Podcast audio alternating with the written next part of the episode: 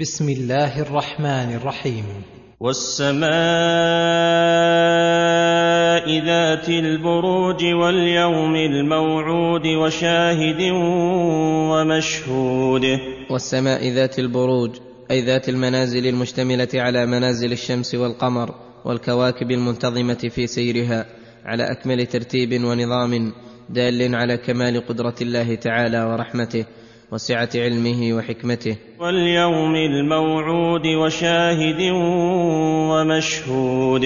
واليوم الموعود وهو يوم القيامة الذي وعد الله الخلق أن يجمعهم فيه ويضم فيه أولهم وآخرهم وقاصيهم ودانيهم الذي لا يمكن أن يتغير ولا يخلف الله الميعاد. وشاهد ومشهود. شمل هذا كل من اتصف بهذا الوصف أي مبصر ومبصر وحاضر ومحظور وراء ومرئي والمقسم عليه ما تضمنه هذا القسم من آيات الله الباهرة وحكمه الظاهرة ورحمته الواسعة. وقيل إن المقسم عليه قوله قتل اصحاب الاخدود النار ذات الوقود اذ هم عليها قعود.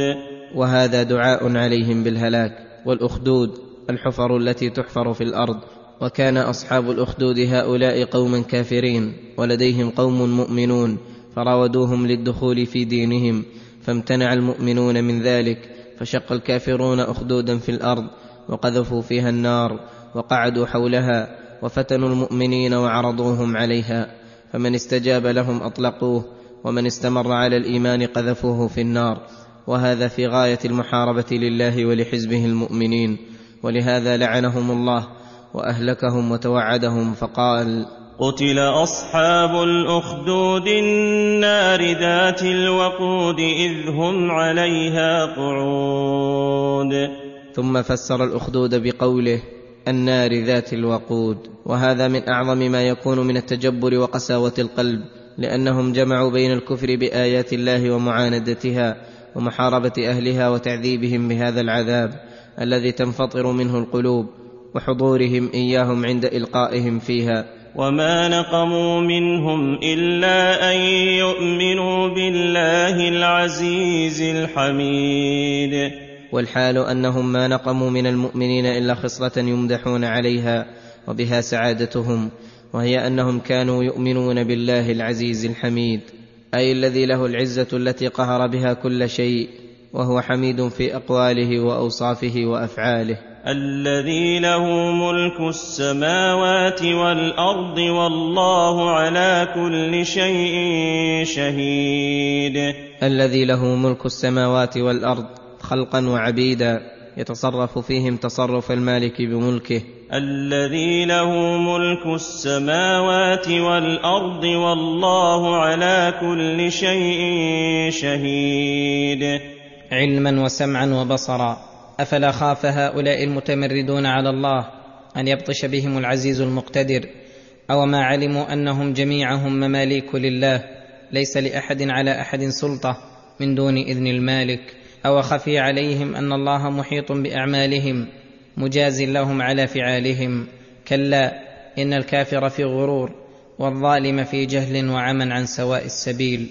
ثم وعدهم وأوعدهم وعرض عليهم التوبة فقال ان الذين فتنوا المؤمنين والمؤمنات ثم لم يتوبوا فلهم عذاب جهنم فلهم عذاب جهنم ولهم عذاب الحريق أي العذاب الشديد المحرق. قال الحسن رحمه الله انظروا إلى هذا الكرم والجود. هم قتلوا أولياءه وأهل طاعته وهو يدعوهم إلى التوبة. ولما ذكر عقوبة الظالمين ذكر ثواب المؤمنين فقال إن الذين آمنوا وعملوا الصالحات لهم جنات لهم جنات تجري من تحتها الأنهار. ذلك الفوز الكبير. إن الذين آمنوا بقلوبهم وعملوا الصالحات بجوارحهم لهم جنات تجري من تحتها الأنهار. ذلك الفوز الكبير الذي حصل به الفوز برضا الله ودار كرامته. إن بطش ربك لشديد إنه هو يبدئ ويعيد وهو الغفور الودود. أي إن عقوبته لأهل الجرائم والذنوب العظام لقوية شديدة. وهو بالمرصاد للظالمين كما قال الله تعالى وكذلك أخذ ربك إذا أخذ القرى وهي ظالمة إن أخذه أليم شديد إنه هو يبدئ ويعيد وهو الغفور الودود. أي هو المنفرد بإبداء الخلق وإعادته فلا مشارك له في ذلك. وهو الغفور الودود. وهو الغفور. الذي يغفر الذنوب جميعها لمن تاب ويعفو عن السيئات لمن استغفره وأناب. الودود الذي يحبه أحبابه محبة لا يشبهها شيء فكما أنه لا يشابهه شيء في صفات الجلال والجمال والمعاني والأفعال فمحبته في قلوب خواص خلقه التابعة لذلك لا يشبهها شيء من أنواع المحاب. ولهذا كانت محبته أصل العبودية وهي المحبة التي تتقدم جميع المحاب وتغلبها وإن لم يكن غيرها تبعا لها كانت عذابا على أهلها وهو تعالى الودود الواد لأحبابه كما قال تعالى يحبهم ويحبونه. والمودة هي المحبة الصافية وفي هذا السر اللطيف حيث قرن الودود بالغفور ليدل ذلك على أن أهل الذنوب إذا تابوا إلى الله وأنابوا غفر لهم ذنوبهم وأحبهم فلا يقال بل تغفر ذنوبهم ولا يرجع إليهم الود كما قاله بعض الغالطين. بل الله أفرح بتوبة عبده حين يتوب. من رجل له راحلة عليها طعامه وشرابه وما يصلحه فأضلها في أرض فلات مهلكة فأيس منها. فاضطجع في ظل شجرة ينتظر الموت فبينما هو على تلك الحال إذا راحلته على رأسه فأخذ بخطامها. فالله أعظم فرحا بتوبة العبد من هذا براحلته. وهذا أعظم فرح يقدر.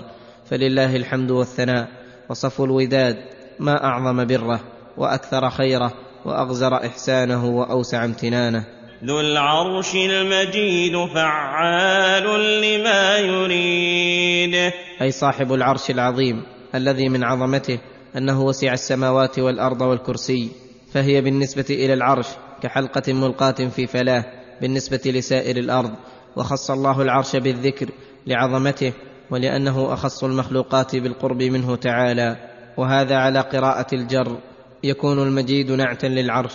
وأما على قراءة الرفع فإن المجيد نعت لله والمجد سعة الأوصاف وعظمتها. فعال لما يريد. أي مهما أراد شيئا فعله. إذا أراد شيئا قال له كن فيكون وليس أحد فعالا لما يريد إلا الله. فإن المخلوقات ولو أرادت شيئا فإنه لا بد لإرادتها من معاون وممانع والله لا معاون لإرادته ولا ممانع له مما أراد. ثم ذكر من أفعاله الدالة على صدق ما جاءت به رسله فقال هل أتاك حديث الجنود فرعون وثمود وكيف كذبوا المرسلين فجعلهم الله من المهلكين. بل الذين كفروا في تكذيب والله من ورائهم محيط أي لا يزالون مستمرين على التكذيب والعناد لا تنفع فيهم الآيات ولا تجدي لديهم العظات. والله من ورائهم محيط أي قد أحاط بهم علما وقدرة كقوله ان ربك لبالمرصاد ففيه الوعيد الشديد للكافرين من عقوبه من هم في قبضته وتحت تدبيره بل هو قرآن مجيد في لوح محفوظ. بل هو قران مجيد اي وسيع المعاني عظيمها كثير الخير والعلم. في لوح محفوظ.